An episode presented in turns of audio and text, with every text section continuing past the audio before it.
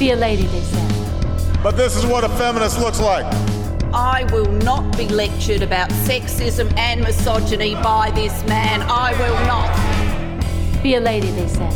Wat maakt een vrouw? Word je als vrouw geboren of tot vrouw gemaakt? On n'est pas femme, on le devient. Ben je vrij te worden wie je bent? Ik vraag het topvrouwen, actrices, politici, wetenschappers. Vrouwen die succesvol zijn en vrij, maar leven in een wereld die is ingericht door en voor mannen. Be a lady, they said. That word feminist is so heavy with baggage. Een wereld waarin het feminisme nog altijd nodig is. Mijn naam is Maartje Lateveer en vandaag word ik geïnterviewd door Marja Pruis. Welkom bij de tiende aflevering van Wolf. Dit is de laatste aflevering van seizoen 1. Eh, na de zomer gaan we verder met seizoen 2. Maar ehm, ja, dit eerste seizoen wilden we afsluiten met een bijzondere aflevering. waarin we terugblikken op het eerste seizoen. De eerste negen eh, interviews die ik heb gedaan met eh, vrouwen over wat het betekent om vrouw te zijn. En we gaan die terugblik een beetje anders doen dan anders. Want in plaats van dat ik interview, word ik geïnterviewd. Eh, door niemand minder dan Marja Pruis. Zij behoeft eh, geen introductie, sowieso niet, eh, natuurlijk. Maar eh, ook niet omdat we haar in Wolf al hebben geïnterviewd. Ehm, en zij gaat mij interviewen over wat ik heb geleerd van deze negen eerste afleveringen ehm, van Wolf. Dus ik wil graag het woord geven aan Marja. Dankjewel, Maartje. Het is wel een eh, onverwachte positie waar ik nu in zit. Ehm, Voor mij ook. ja, ik vind het heel leuk. Eh, ik ben ook wel nieuwsgierig. Ik dacht, misschien is het leuk om toch nog heel even terug te kijken van... wanneer dacht je van, ik ga dit doen? Wat was je beginvraag? Of, Oh ja, dat is een Ja. mooie vraag. Ehm, ik luister zelf eh, al heel lang naar een Franse podcast. Die heet La Poudre van de journalist Laurent Bastide. Ehm, en zij interviewt vrouwen over wat het betekent om vrouw te zijn. Dus ik heb het idee een beetje gepikt. oh, oké. Ehm, en ik, ik luister daar echt al heel, nou volgens mij al vanaf het begin dat zij die podcast heeft, luister ik daar naar. Dat is echt al een aantal jaar. Zijn dat hele bekende vrouwen? Dat zij zijn eh, meestal in Frankrijk bekende vrouwen. Ehm, zo heeft ze bijvoorbeeld Anne Hidalgo geïnterviewd, de, Franse, eh, de burgemeester van Parijs. Ehm, eh, en veel schrijfsters, veel Franse schrijfsters, eh, feministen, wetenschappers, eh, acteurs, of, actrices, modellen. Ehm, dus in, meer of mindere mate bekende personages in Frankrijk. En dat zijn interviews die, die zijn ontzettend persoonlijk. Ehm, heel goed gedaan. Heel, ze stelt vaak dezelfde vragen, die dan elke episode weer terugkomen. Eh, veel literaire vragen ook. Veel vragen over eh, hoe was je als kind? Welke boeken las je als kind? Wat heeft je gevormd? Ja, en die, ik weet nog dat ik eh, haar begon te luisteren, volgens mij toen ik net gescheiden was of vlak daarna. En dat ik daar me enorm aan optrok. Dat ik echt het, het gevoel had dat ik, dat ik niet de enige vrouw was die worstelde met het leven of met vrouw zijn. En, en ik leerde er enorm veel van over feminisme. Het was ook in de tijd dat ik zelf als journalist daar steeds meer over begon te schrijven. En steeds, ja, steeds meer besefte dat, ehm, dat ik er zo weinig van wist. Van die positie van vrouwen. En eigenlijk hoe meer ik wist, hoe minder ik wist. Of hoe, hoe meer ik las, hoe minder ik besefte te weten. En ehm, ja, dus die podcast heeft mij heel veel eh, gebracht. Heel veel kennis, heel veel troost, heel veel... Ja. eh, Wat een mooi idee. Om dat dan ook te proberen zelf ook te gaan doen. Ik bedoel, het is ook soms zo fijn als je een model hebt. Ja. Ja. Ja, eigenlijk wel, ja. Ja. Dat heb ik me nooit zo gerealiseerd. Ehm, ik weet nog dat eh Caro Derksen in de eerste aflevering van Wolf sprak over het belang van rolmodellen. En ik Mhm. weet nog dat ik dacht, goh, wat jammer eigenlijk dat ik dat helemaal niet heb. Want ik heb niet zo van die rolmodellen of, of idolen of vrouwen tegen wie ik... Ja. Ik heb wel vrouwen tegen wie ik opkijk, maar niet... ehm, zoals zij in haar eh, theatervoorstelling over Emma Watson, de play, Mhm. heel erg Emma Watson op een ja, Mhm. op, een, s- op een voetstuk zetten. Ja. En keek naar oh, hoe, hoe, hoe doet zij dat nou, dat feminisme, dat wil ik ook. Vind ik super tof en ik denk dat dat ook heel belangrijk is. En ik, he- ja, voor mijn gevoel heb ik dat nooit gehad. Maar nu je het zegt, Ja. Laurent Bastide met La Ja. Poudre is wel Oh, inderdaad mooi. een rolmodel voor mij. Maar het is toch net alsof, eh, nou, ik ben ouder dan jij. Eh, ik herken wel heel erg ook die, die, die ontdekking van, oké, ik ben vrouw, wat betekent het? En ik denk dat voor mij het. Ik vind het bijzonder dat jij het steeds zo formuleert van ik wilde weten wat het betekent om vrouw te zijn. Eerder dan dat je zegt van ik wilde weten wat feminisme was. En ik denk dat voor mij vielen die twee dingen heel erg samen. Omdat ik denk achteraf gezien dat het feminisme voor mij een soort gelegitimeerde manier was om met het vrouw zijn bezig te zijn. Oh Om ja? erachter te komen wie ben ik en wat voor soort leven moet ik leiden. wat, wat is mijn model? Omdat mijn moeder altijd zo duidelijk tegen mij zei, volgens mij heb ik dat ook tegen jou verteld in het interview. Kijk niet naar mij. Ja. Maar ja, ik dacht, Ja. ja, naar wie moet ik dan wel Naar wie kijken? moet je dan Ja. kijken? Ja. dat is grappig dat je dat zegt. Ja, maar jij was natuurlijk ook jonger. Jij ging studeren en je kwam met het feminisme in Meteen. aanraking. Ja, het was Dat toen is- echt hoogtepunt van de tweede feministische golf. Ja, ja, Dat, is, dat valt denk Ja. ik ook logischerwijs dan samen met je Ja. ontwikkeling als vrouw. Ja, en dan wordt het ook meteen een soort van activisme bij. Ja. ja. Dat is ook wel ingewikkeld, denk ik. Ja, ook omdat ik eigenlijk denk van nature helemaal niet zo'n activist was. Maar ik dacht, oh ja, maar zo moet je het blijkbaar doen. Ja, Maar ja, bij jou is dat anders gegaan. ja ik denk ook omdat mijn moeder, die zei niet zo, kijk niet naar mij. Ik heb dat meer zelf geconcludeerd, dat ik naar haar keek en dacht, zo moet het niet. Maar niet, ehm, zij heeft dat nooit expliciet gezegd. En eh, wat ik bij haar wel heel sterk voelde, was dat zij het zelf heel moeilijk vond om vrouw te zijn. Ja, ja. En dat heb ik, dat heb ik opgepikt. Ja, had ze er een beetje een hekel aan, denk je, om vrouw te zijn? Ja. Voelde ze zich zwak? Of... Ja, en ik denk dat ze zich onzeker voelde als Mhm. vrouw. Ik denk dat zij eh, een hele, ja, zoals veel vrouwen, een, een, een moeilijke relatie had met haar, moeilijke verhouding met haar lichaam, met Ja. haar uiterlijk. Volgens mij is dat ook wel een thema wat best in veel gesprekken terugkwam van jou, toch? Met de, Ja. vrouw- met de vrouwen. Ja, De gesprekken ge- die jij hebt gevoerd. ja, niet dat ik er naar op zoek was, Mhm. eh, maar ik weet dat het voor mij een thema is. Mhm. Ehm, ik weet dat, eh, nou ja, ik in, in, feminist, in de feministische boeken die ik heb gelezen, komt het vaak daarop neer dat eh, als het gaat over de positie van vrouwen, eh, dan komt het vaak op neer dat ze ehm, worden gezien als een lustobject of als mooi om naar te kijken of als een, een object en niet als een subject. En enerzijds zou je kunnen zeggen dat het heel oppervlakkig is om, om uiterlijk zo als onderwerp van je gesprek te maken. Dat is het ook, dat vind ik ook ingewikkeld. Tegelijkertijd moeten we gewoon vaststellen dat vrouwen in een wereld leven waarin en het uiterlijk steeds belangrijker wordt. ehm, en eh, dat uiterlijk eh, vooral aan vrouwen wordt toegedicht. Ja. En ja, die, die realiteit kunnen we niet ontkennen, Nee. kan ik niet ontkennen. Nee, het hele idee is ook lastig. Dat, eh, het wordt ook tegen ons gezegd dat het een oppervlakkig iets is. Ja, Dat, dan heb je al snel heb je het over ijdelheid, terwijl dat, daar gaat het niet om. Eh, ik denk dat het ook een heel belangrijk onderwerp is. En dat je het eigenlijk Ja. ook moet toe-eigenen als vrouw. ja Het lichaam, dat is nogal wat. Ja, dat vind ik eigenlijk wel een heel goed punt wat je zegt. Het wordt inderdaad gedaan. Alsof het iets zo kleins, Alsof oppervlakkigs het iets is. kleins Ja. is. Maar dat Ja. is het niet. Het Nee. is echt heel verneukeratief. Ja. Ja. Want nog even los van ehm, de problemen die Mhm. ontstaan door dit belang van uiterlijk. Ik bedoel, de eetstoornissen die vrouwen hebben. Ook al is het latent of niet gediagnosticeerd. Of ik ken bijna niet één vrouw die niet bewust is in elk geval van haar lichaam en hoe zwaar ze is of hoe licht ze is of hoe het Mhm. eruit ziet en hoe het eruit zou moeten zien. En ehm, die daar op een bepaalde manier toch eh, altijd mee bezig is. Ja.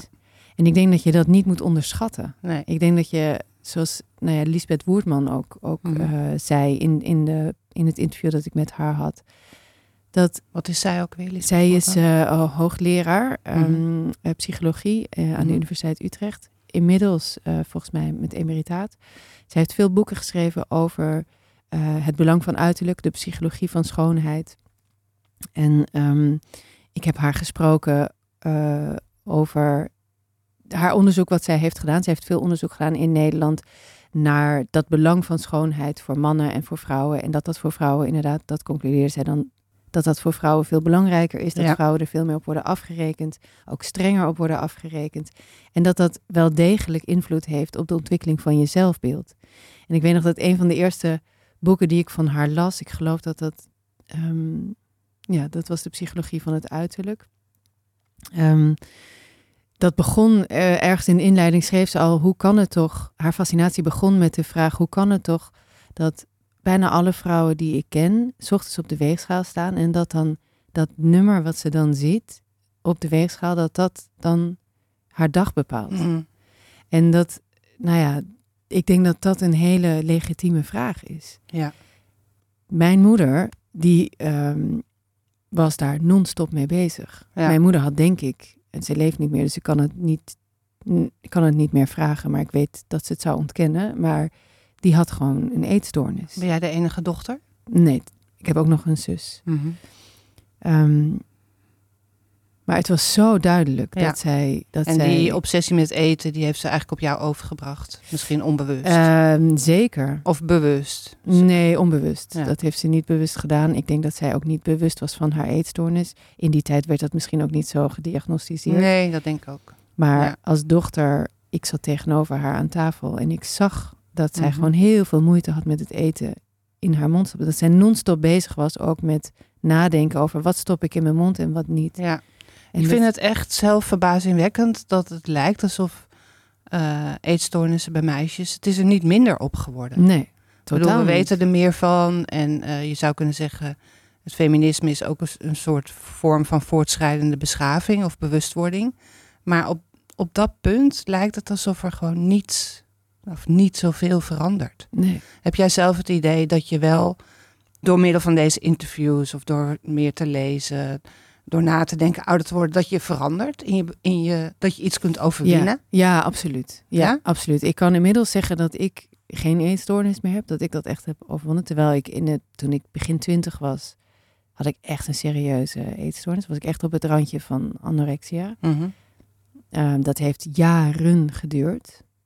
Eh, daarna heb ik altijd een soort controle gehad over Mhm. mijn eten. En dat heb ik echt pas sinds een paar jaar los kunnen laten. Dat heb ik me ook bewust voorgenomen. Nu stop ik daarmee. Net zoals ik ooit je- besefte, ja, ja. ik ben nu, Ja, eh, ooit ben ik gestopt met roken, omdat ik het niet kon verdragen dat ik eh, slaaf was van een, van een staafje. Mhm. Ineens realiseerde ik mij dat een eetstoornis ook een verslaving is. Ja, Een verslaving aan controle. En dat wilde ik niet. Dus nee. ik heb mij daar heel bewust. ehm, ben ik daarmee gestopt. Maar dat klinkt makkelijker dan het is. Daar zijn heel veel jaren aan vooraf Ja, dat gegaan. geloof ik. En ik, ik kan me bijna niet voorstellen dat je daar echt ook van afkomt. Ik bedoel, ik wil Nooit daar niet helemaal. somber over doen. Nee, nooit. maar nooit eten helemaal. is Maar- natuurlijk de hele dag aanwezig. Ja, maar je kunt wel, de, het gaat niet om eten. De, er ligt eh, iets aan ten grondslag en dat kun Mhm. je wel degelijk Ja. aanpakken.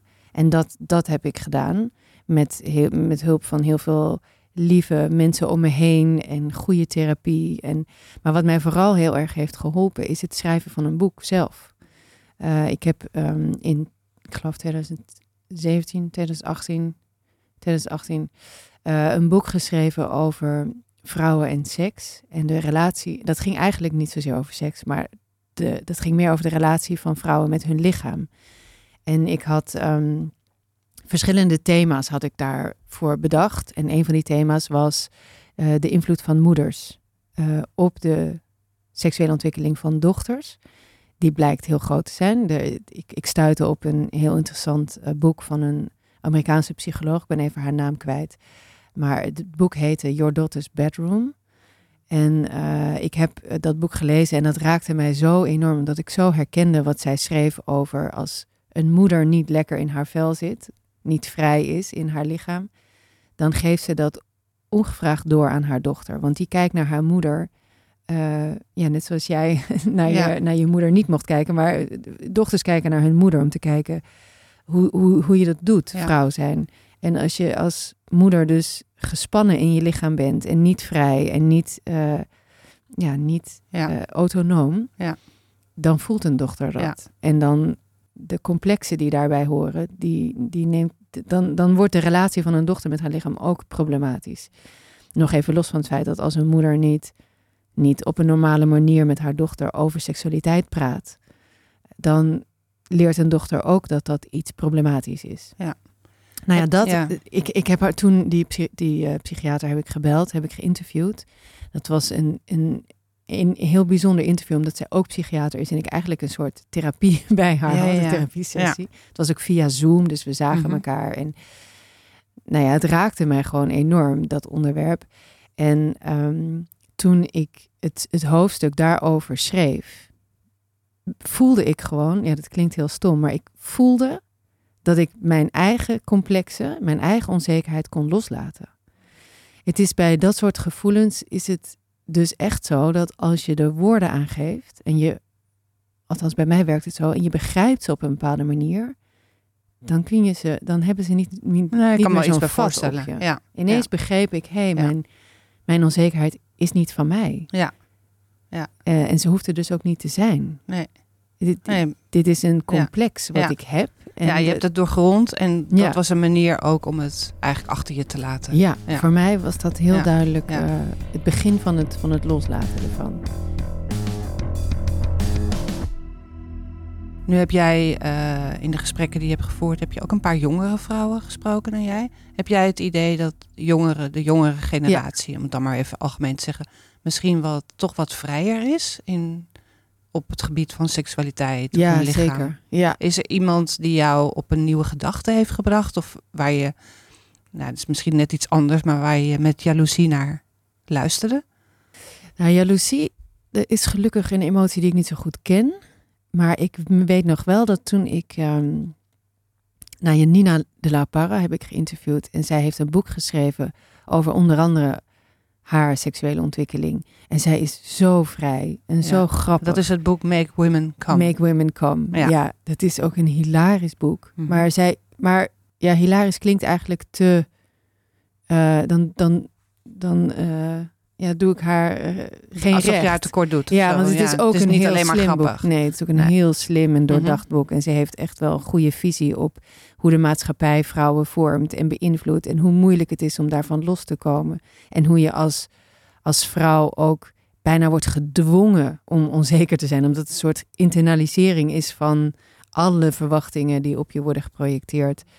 En dat je echt wel heel sterk in je schoenen moet staan om niet een interne criticus te hebben die je zegt dat je eh, helemaal perfect moet zijn en helemaal dun en, en geen schaamhaar mag hebben en geen, gewoon geen mens mag zijn Ja. eigenlijk. Heeft zij het boek, denk je, als een soort manifest geschreven? Als iets wat ze nog zelf aan het bevechten is? Of is zij dit al? Is zij... Nee, absoluut niet. Zij is het nog zelf aan het bevechten. Ik denk Mhm. dat het boek, ja, net als veel boeken die worden geschreven, ook een zoektocht was voor haarzelf.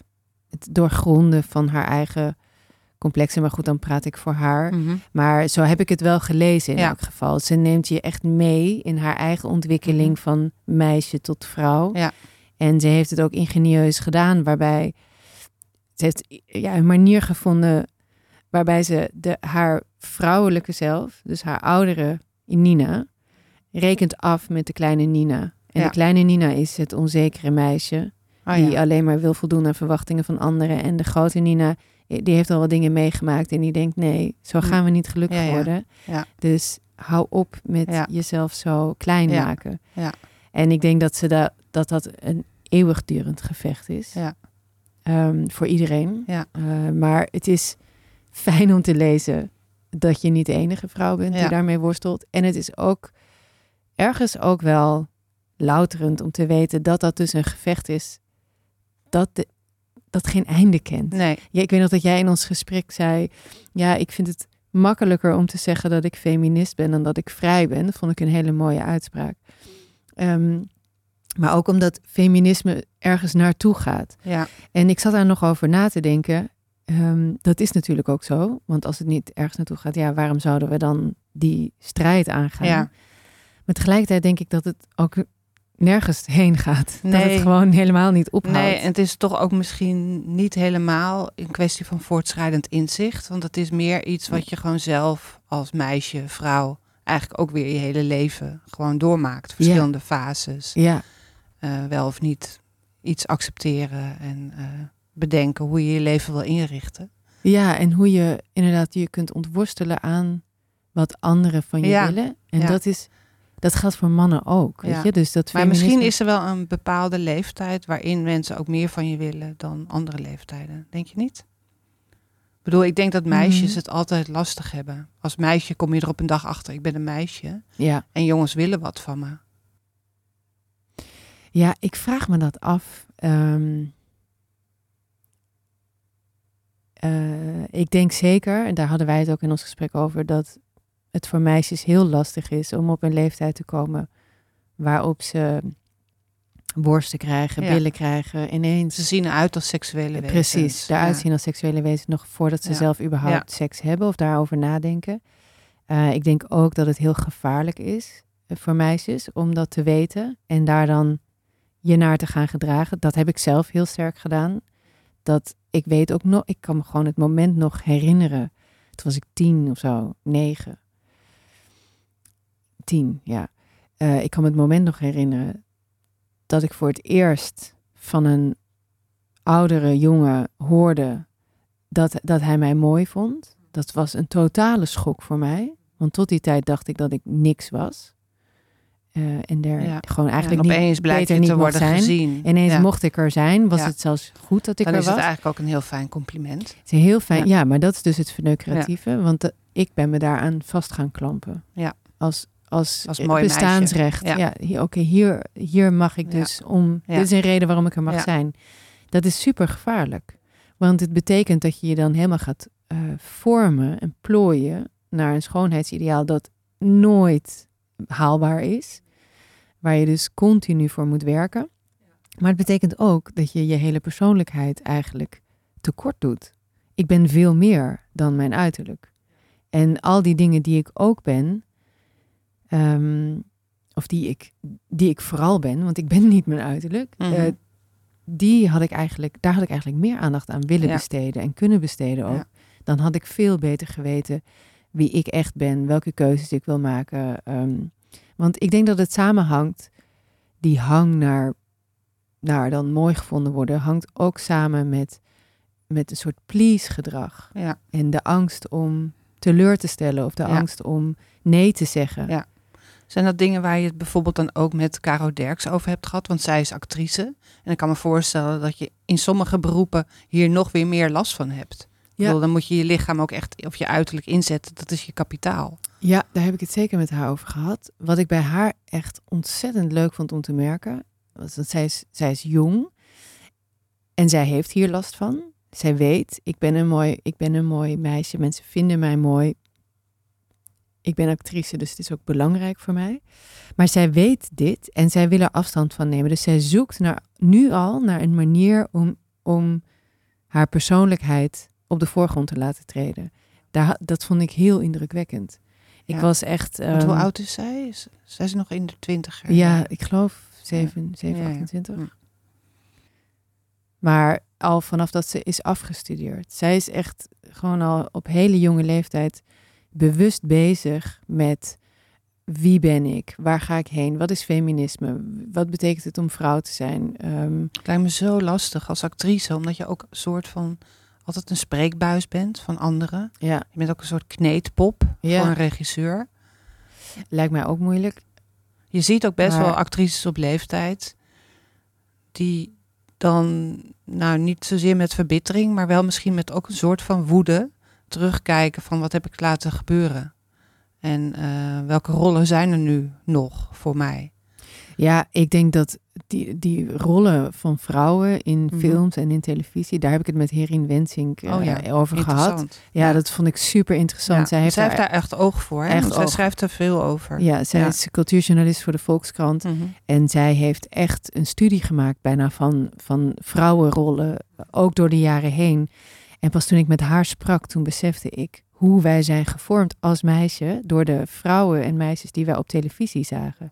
Ik ging nog eens een eh, episode terugkijken van Beverly Hills 90210, waar ik als meisje enorm fan van was. Daar keek ik gewoon altijd naar en ik was helemaal vergroeid met die personages. En nou, dat was een serie over, even voor de jonge luisteraars onder ons, dat was een serie die in de jaren negentig, denk ik, heel, heel hip was over een groepje scholieren op een heel duur college in, in Beverly Hills.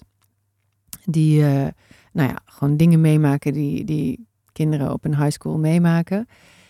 Maar als ik er nu naar kijk, dan ben ik echt geschokt door het seksisme en de, de, de enorme traditionele rolverdeling tussen de jongens in die serie en de meisjes in die serie. En ook door, er was één aflevering waarin dan, ehm, je, had, een paar van die vrouwelijke personages, ik ben even hun naam kwijt, maar, maar eh, oh ja, Kelly, eh, Kelly en, en eh, Brenda.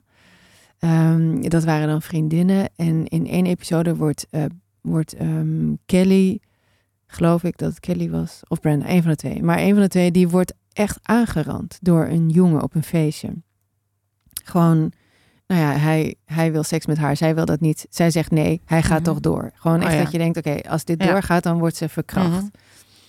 En eh, zij wordt dan net, net op, eh, op het laatste nippertje, eh, voordat ze daadwerkelijk verkracht zou worden, wordt ze gered door Brandon, geloof ik. Door de, de broer van Brenda. Of ik weet niet meer, een van de jongens die dan binnenkomt stormen en die dan die... De goede jongen. Ja, de goede jongen. Die geeft dan die gozer een klap. En dan, en dan is het allemaal voorbij. En dan is er een scène waarin eh, eh, Kelly dan wordt getroost door Brenda. Of andersom, ik weet niet meer welke. Maar in elk geval twee, die twee vriendinnen zitten samen.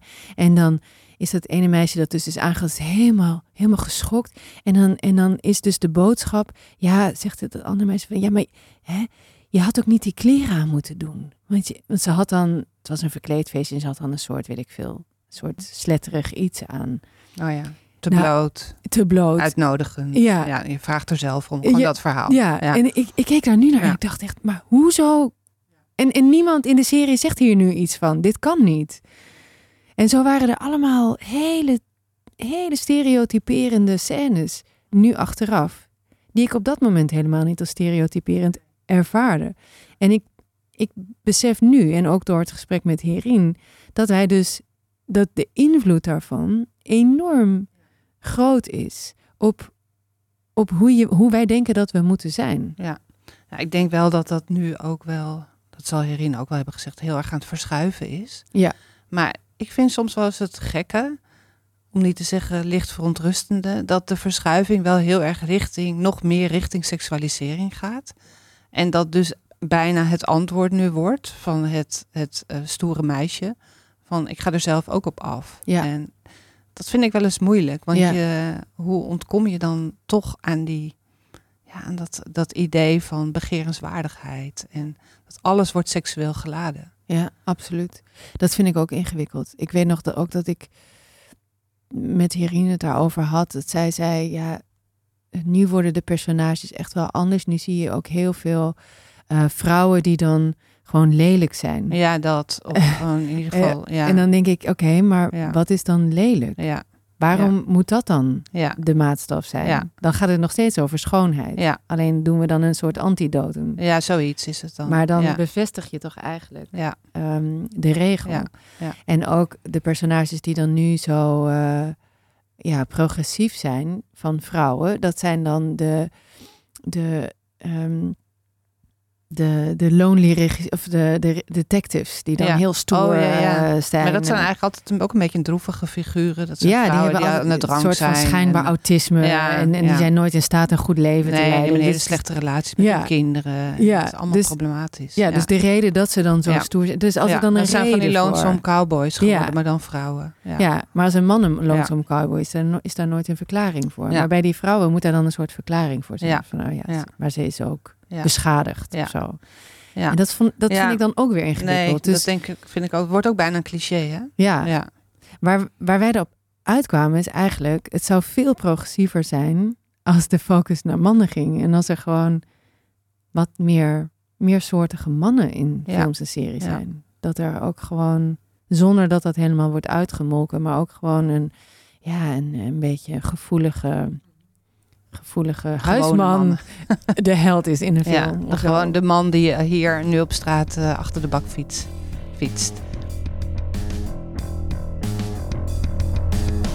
Weet je, nu heb ik negen vrouwen geïnterviewd. Weer over wat het betekent om vrouw te zijn. Of Ja. weer, dat hebben de kwamen, ook kwamen mannen wel ter sprake ook in die gesprekken? Ja, die komen wel ter sprake. Maar ik, eh, toch denk ik heel vaak nog te weinig. Toch denk ik heel vaak, oh, wat zou het toch mooi zijn als we dit feminisme gewoon zien meer als een soort humanisme. Dat het meer gaat over wat betekent het om mens te zijn en hoe ontworstel je je aan al die verwachtingen, al die toch gendered verwachtingen die ook voor mannen gelden. En ehm, we hadden het hier net in de studio eventjes over het nieuws nu wat eh, in alle kranten staat ook omdat het komkommertijd is, maar over het eh, Amsterdamse studentenkoor. Oh ja. ja. Eh, en waarom al die mannen dan zo meelachen met toch echt hele grove, Ja. sneuwe opmerkingen over vrouwen. En dat er dan niet een man is die opstaat en zegt, hey, Pik, Ja. dit kan niet. Ja. Ik denk dat dat gewoon ontzettend moeilijk is Mhm. om als man dan. Dit is een enorm risico wat je neemt. Ja. Je kunt ook opstaan en dat zeggen en gewoon helemaal worden uitgelachen. En Ja. dat is een heel groot sociaal risico. Ja. ja, het is Eh, ontzettend kuddig gedrag. Het is zo, Precies. zoveel angst of zo. Zoveel angst. Maar als dit dan eh, het voorbeeld is voor mannen, dan maak ik me gewoon best wel zorgen. Dan denk ik wel, oké, ehm, ik snap dat dat eng is om je daartegen te verzetten. Maar als we even goed kijken naar wat dan de norm is voor mannen om te zijn, Mhm. dan is die vrij eenduidig. Ja. De, ik weet het. Ja. Dat, dat lijkt me voor mannen ook ontzettend moeilijk. Ja, om je het daar is ook nogal een corset waar zij zich in moeten Ja, bewegen. Ja. ja. Ja. Dus ik denk, ja, waar ik toch, en ik, ik blijf vrouwen interviewen, omdat ik het gewoon super interessant vind. Maar ik wil ook in het tweede seizoen, wil ik ook mannen interviewen. Ja? Ja. Oh, bijzonder. ja. Omdat ik toch ook, Want jij had ook, want je hebt natuurlijk eerst voor de podcast had je het boek Wolf. Daar heb je ook Ja. mannen in laten Heb- schrijven, toch? nee, ik, in, in Wolf zijn alleen vrouwen. en Oh, daarna ja, heb ik een, daarna- eh, ja. een bundel Oh, eh, voor en door mannen, of nou niet voor mannen, maar door mannen eh, geschreven. Die heet Sphinx en die gaat over wat het betekent om man te zijn. En dat, ja, daar kwamen ook weer heel, net zoals in Wolf, hele verschillende verhalen uit naar voren met Ja, verschillende invalshoeken. maar, ja. Ja. Ja. maar ook waardoor je beseft, mannen zijn hier ook mee bezig. Mhm. Dit leeft ook bij Ja. mannen. Want Ja. alle mannen die ik, die ik aanschreef met de vraag: wil jij een essay schrijven over wat het betekent om man te zijn? Zeiden allemaal ja, graag. Ja.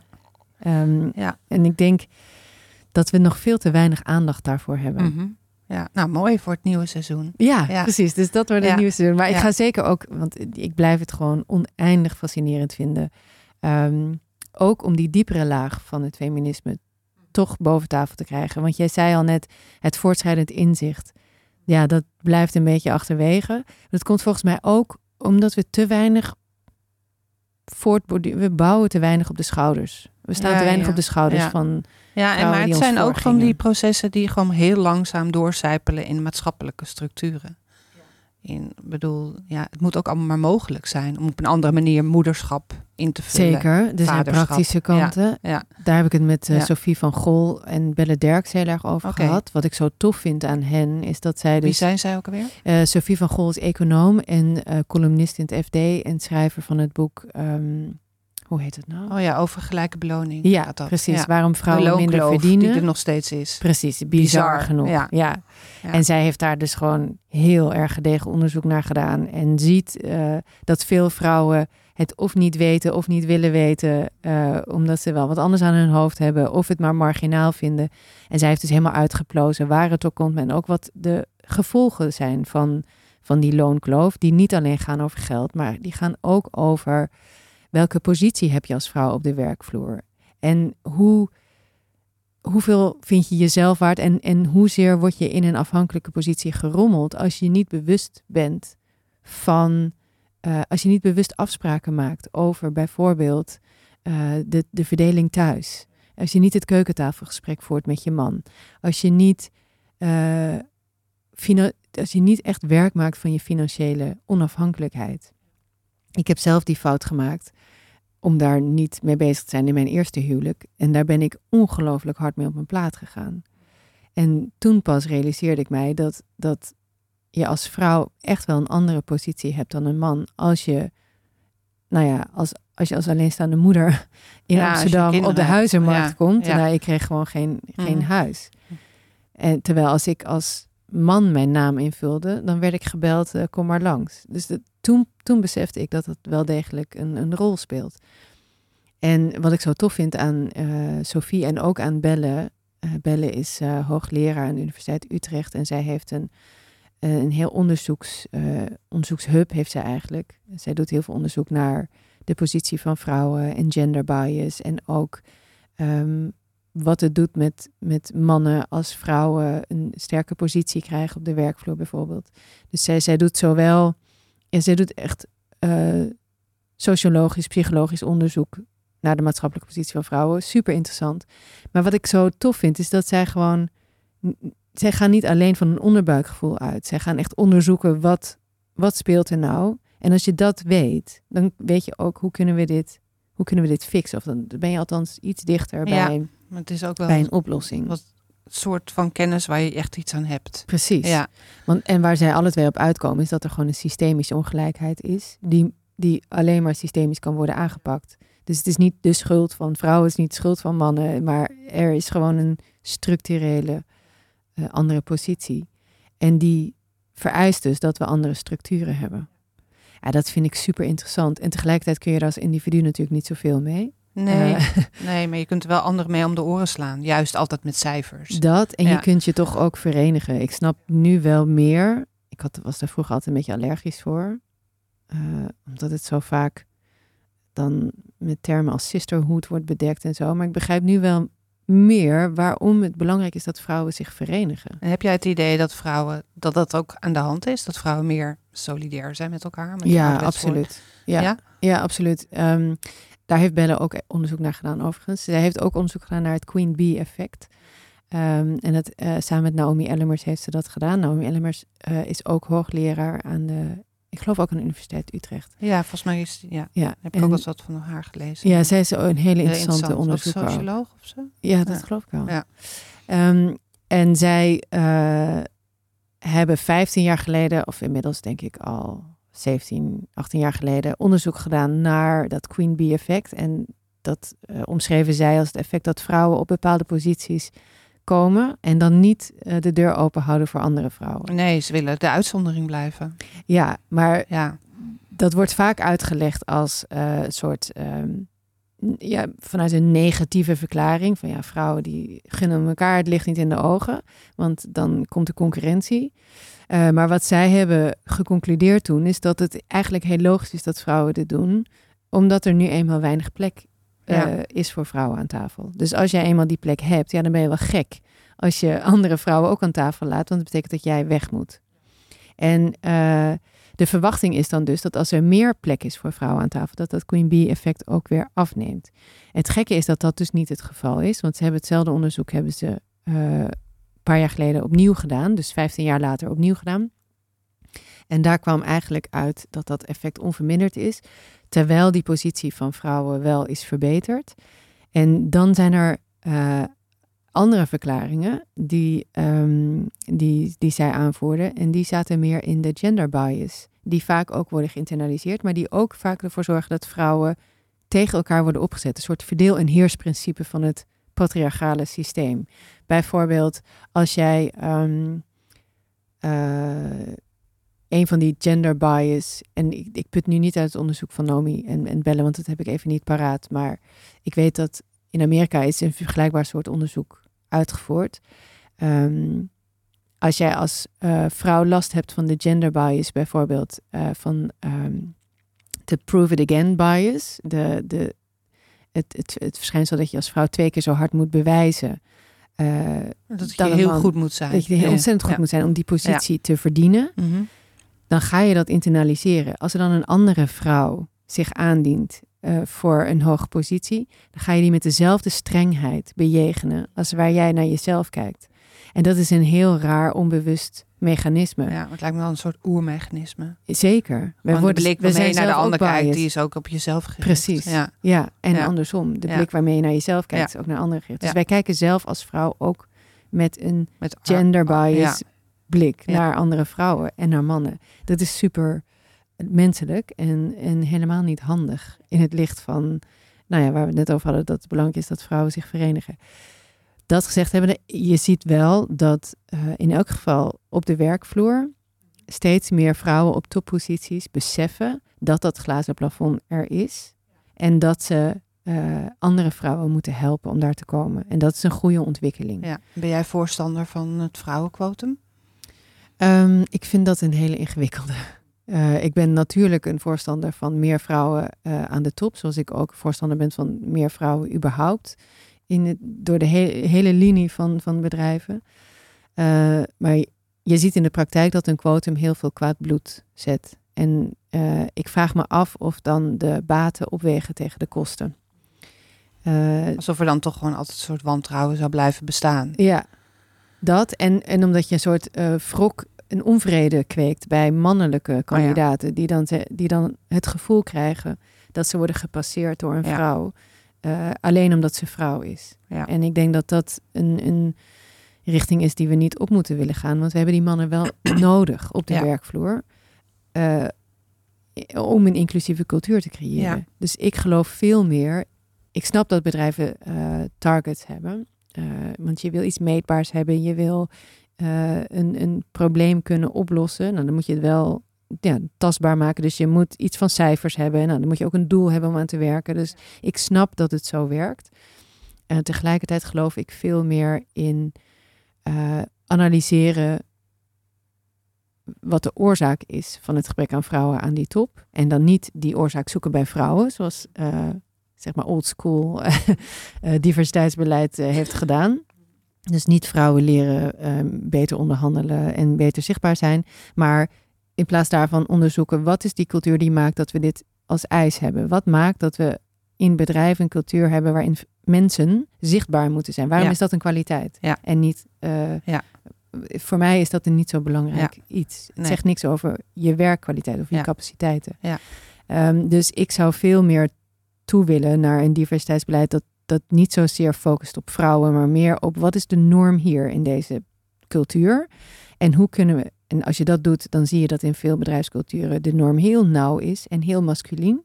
En hoe kun je die norm verbreden? Hoe kun je een bredere definitie van succes creëren, waardoor vrouwen als vanzelf ook in aanmerking komen, wa- waardoor je eigenlijk van binnenuit die bias Ja. eh, verandert. Heeft het gesprek met Marjan Spier je wat dat betreft ook nog iets opgeleverd?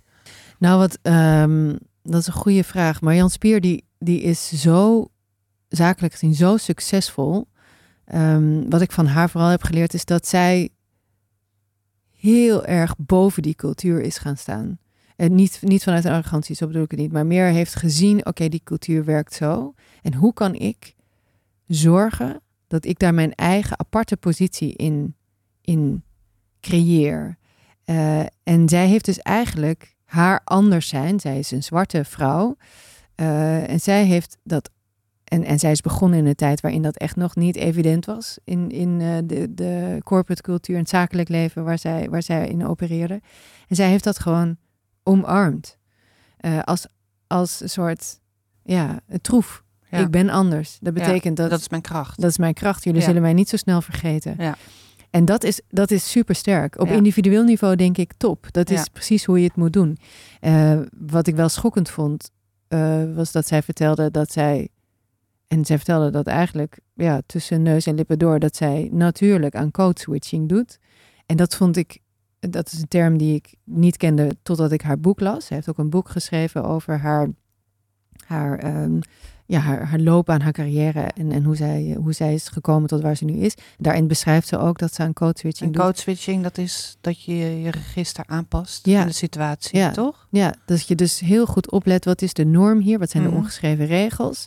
Eh, hoe gedragen mensen zich? Hoe kleden mensen ze? zich? Hoe praten ze? Ja. Precies, hoe doen ze zich voor? En dan ga ik dat overnemen. En eh, met het besef dat ik als zwarte vrouw op een bepaalde manier over kan komen als ik bijvoorbeeld eh, mezelf ben. Als ik, als ik bijvoorbeeld boos ben, dan is dat voor, voor andere mensen is dat extra beladen omdat ik een zwarte vrouw ben of zo. Ik, ik Ja, noem ja, eventjes een... Dus uit overlevings dwang leer je eigenlijk een enorme gevoeligheid Ja. en je aan te passen Ja. aan de situatie. Ja, en dat is dus interessant. Ik vond het schokkend om, eh, om te horen, ook omdat ik mij acuut schaamde dat ik mij hier nooit bewust van was. Eigenlijk, eh, dat, dat een zwarte vrouw nog meer bezig is met die omgeving, nog meer zich bewust moet zijn van. Ja, Hoe nog kom ik meer te kampen heeft met allerlei vooroordelen Ja. ook. Ja. Dus eh, dat vond ik heel waardevol om dat, om dat te beseffen. Eh, en tegelijkertijd herkende ik er heel veel in, omdat je, eh, nou ja, sowieso ben je, je bent als mens altijd, in elke omgeving waar je komt, ben je aan het... Aan Alert. Het, ja, ben je Ja. alert. Ben je, Ja. ben je de norm aan het oppikken. En dat doe je ongemerkt, doe je onbewust. Mhm. Maar je, je brein wil overleven. Dat betekent je brein wil erkenning, wil gezien Mhm. worden, wil sociaal veilig zijn. Dus we zijn allemaal eh, op een bepaalde manier normatief naar onszelf. En we passen ons aan aan de norm die we zien. Daar zijn we supergoed in. Eh, je kunt je, als je dat weet, ook voorstellen dat je als vrouw nog meer bezig moet zijn met die eh, omgeving. Omdat je als vrouw, zeker als je in een masculine omgeving bent, zoals een, een corporate cultuur of nou ja, eigenlijk de hele wereld. Ja. Eh, dus ehm, het is logisch en tegelijkertijd ontluisterend, vind ik, om te beseffen dat je daar als vrouw nog meer alert op moet zijn. En het verklaart zoveel. Het verklaart zoveel van de onzekerheid. Het verklaart zoveel van, de, van het please-gedrag van vrouwen. En ook van, van dat, die vervreemding die optreedt als je van een afstandje naar jezelf kijkt. Ik denk dat dat een, een groot gevaar is. Want het gevaar is dat je jezelf verliest. En dat je alleen nog maar van afstand naar jezelf kunt kijken. En dat, dat is iets, jij vroeg net, is de jonge generatie vrijer eh, op seksueel gebied? Ik denk dat dat zo is. En tegelijkertijd denk ik het niet. Omdat de jongere generatie zo is opgegroeid met internet, met sociale media, dat ze, nou ja, soms heb ik het gevoel dat ze bijna niet meer uit die metapositie kunnen komen en in hun lichaam kunnen gaan zitten en daar vanuit daar de wereld kunnen beschouwen. Dat ze alleen nog maar object zijn. En ik denk, ehm, daar had Lisbeth Woertman, die, die vertelde daar ook, ook mooi over. Zij zei eigenlijk, zou ik zo graag eens in de hoofden willen kijken van die jonge generatie. Want ik denk dat zij fundamenteel anders in het leven staan dan wij, die niet zijn opgegroeid met die sociale media. Ik denk dat dat heel erg waar is dat vooral voor vrouwen erg relevant is. En om nog even terug te komen wat jij eerder zei over die seksualisering, dat speelt hier ook, denk ik, een, een grote rol. Als je nu opgroeit als meisje, wat is dan de boodschap die je krijgt? Hoe moet je zijn als vrouw? Ja, heel lastig. Ik voel mij in vergelijking met die jonge generatie, of als ik wel eens eh, de- naar de sekszusjes kijk op tv, Mhm. voel ik me een soort holbewoonster. Een soort struisvogel, Ja, die gewoon eigenlijk in een soort, altijd een beetje vage mist leeft. Terwijl ik denk van die vage mist, die kun je dus gewoon niet meer veroorloven als je gewoon jong bent. Nee. Want daarvoor eh, krijg je veel te veel prikkels. ja, En heb je inderdaad die social media waar je gewoon actief op bent. ja, Terwijl voor mij is het, ja, het is toch eigenlijk een soort techniek die ik inzet om dingen, om dingen te komen weten. Ja, klinkt nu heel heilig en heel stom. Maar zo voel ik me dan dus ook een beetje. ja, maar zo geldt het denk ik Ja. voor jou ook. Ja. En, en ik denk ehm, dat je, als je niet bent opgegroeid met sociale media, dan kun je er prima mee omgaan. En Ja, het blijft altijd iets op afstand. Het is een techniek, een hulpmiddel. precies. Ja, Maar als je, maar het is niet mijn wereld. Nee. Nee, bij mij ook niet. Tegelijkertijd vind ik het wel ingewikkeld ook om, om het te gebruiken als techniek. Want ik vind het gewoon, ik vind het niet interessant, merk ik. Ik vind het wel interessant om zelf te kijken naar anderen. Ik doe heel veel. Ik, ik zit nu ook op Instagram omdat ik Wolf heb. Oh ja, Dus daarom ben ik ja. op Instagram gegaan. Heel eerlijk. en de, maar je ik, zou ook wel moeten. Ik bedoel, hoe weten mensen ja, anders dat je dit hebt? Ja, dat is gewoon een heel belangrijk kanaal. En ik wil toch dat, dat, dat, Mhm. dat we, dat we beluisterd heb je het gevoel worden. dat je het snel wel kunt beheersen? Nee, totaal niet. Ik mis ook van alles. Ik vergeet de hele tijd dingen te het je dan wel genoeg? Nee, het interesseert me totaal niet. Nee. Het zit niet in mijn systeem. En het is niet... Ik vind het heel leuk. Ik blijk het toch best wel leuk te vinden. In elk geval, ik, ik volg heel veel leuke mensen. Ik volg jou en ik volg anderen. Ik volg schrijfsters en wat internationale schrijfsters. En Ja, je Die kan heel dichtbij mensen zijn ja, waarvan je denkt van, oh, ja. dat dat kan. Die, die geven Ja. goede tips. Ik vind het voor de Mhm. tips en de boekentips en de uitgaanstips vind ik het echt super interessant. Maar ik merk dat ik de persoonlijke kant vind ik niet interessant. Ik ben niet zo geïnteresseerd in hoe le ja, Ja, maar je zal toch, je komt er niet onderuit, zeker als je dingen maakt, om iets aan zelfpromotie te doen. nee, Daar moet je eigenlijk iets schaamtelozer in worden, denk ik. ja, ik denk dat dat ook niet eh, zien als een morele grote kwestie. Ik was in het begin dacht ik ook heel, was ik heel huiverig ervoor. En inmiddels denk ik, dit is gewoon wat er nu bij hoort. Dit is je werk eigenlijk. Zo moet je het zien. Ja, maar hoe, hoe eh, ga jij er dan mee om? Ja, toch wel. Instagram is voor mij meer, denk ik, eh, het leuke, het persoonlijke. Maar Twitter is wel echt werk. Ja, Gewoon mijn eigen stukken, stukken van mijn collega's, maar ook de dingen die ik mooi vind. krijg ik last van een soort zendingsdrang. Dus Ja, dan wil ik ja, gewoon ja. mensen laten horen van, oh, dit moet je zien of dit moet je lezen. Ja, ja dat, maar dat vind ik ook heel leuk als Mhm. mensen dat doen. Daar, daar heb je echt Mhm. iets aan. Ik vind Twitter vind ik wel ook ingewikkeld door gewoon de vergaarbak aan. Ja, maar ook de nadigheid die je over je heen krijgt. Ongelooflijk. Ja, en of die andere de mensen over zich heen krijgen. Het is Ja. zoveel negativiteit. Ik word er gewoon helemaal... Ik, ik, tune dan helemaal uit. dat Ja, ik heb me gewoon maar voorgenomen. Ik, moet maar, ik ben de positivo op Twitter. Ik doe, ik doe de dingen die ik leuk en mooi dat vind. vind ik echt heel moedig. Dat je dat gewoon volhoudt. Ik ga... Ik, ik taai gewoon af dan. ik denk, jongens, echt, er is nog zo'n Ja. wereld out Maar je taait absoluut niet af, want je gaat gewoon straks het tweede seizoen maken. Ja, we gaan, eh, we, we moeten afronden. Volgens mij, ik. we hebben ook wel de gesprekken wel zo'n beetje de revue laten passeren. Denk ik. Ja, ik, ik is heb er iets een wat we paar... nog niet... Ja, Renske, Renske de Oh, hebben Ja, we die heeft dat eh, fantastische genoemd. boek gemaakt. Ja, die heeft dat fantastische boek gemaakt over moederschap. Ja. En eh, daar heb ik ook enorm van genoten. ook. Eh, voor- en, en dat vond ik ook weer veel intelligenter. En ik denk overal samenvattend, die eerste negen eh, afleveringen hebben mij zo blij gemaakt en zo positief verrast. Ehm, in de mate waarin en alle negen vrouwen helemaal eigen waren, authentiek en krachtig op die manier. Eh, en dat, dat ja, boezemt me enorm veel vertrouwen in over, over die vrouwen die dan eh 1-0 achter zouden staan. Nou, als ik naar deze negen vrouwen kijk, dan denk ik dat valt wel mee. En tegelijkertijd zie ik dat al die negen vrouwen worstelen met bepaalde thema's. En ik was zo onder de indruk van hoe, ja, hoe, hoe ze daar allemaal over nadenken en mee bezig zijn en bewust van zijn. Ik denk als we, als we daarover blijven praten en we, we blijven die verhalen vertellen en, en er naar luisteren, dan kunnen we op een gegeven moment wel die voortschrijdende inzichten aan elkaar Denk ik verbinden. ook. En dan Zeker. Kunnen we toch een Ja, stapje ik sluit me daar helemaal bij aan. Nou, Lijkt mooi. me mooi na Op naar, op naar het seizoen, eh, op naar seizoen Ja. 2. Ja. we zijn er weer in, ehm, in september. Dank voor het luisteren. Dank je wel, Marja. Heel voor graag dit, eh, gedaan. leuk Leuk. interview. Ik vond het een beetje spannend om geïnterviewd te Ja? worden. Maar ik vond het echt onwijs leuk. Ja, ik ook. Dank je wel daarvoor. En een fijne zomer iedereen. eh, ook thuis. En eh, nou ja, ik ben er graag weer. Tot dan.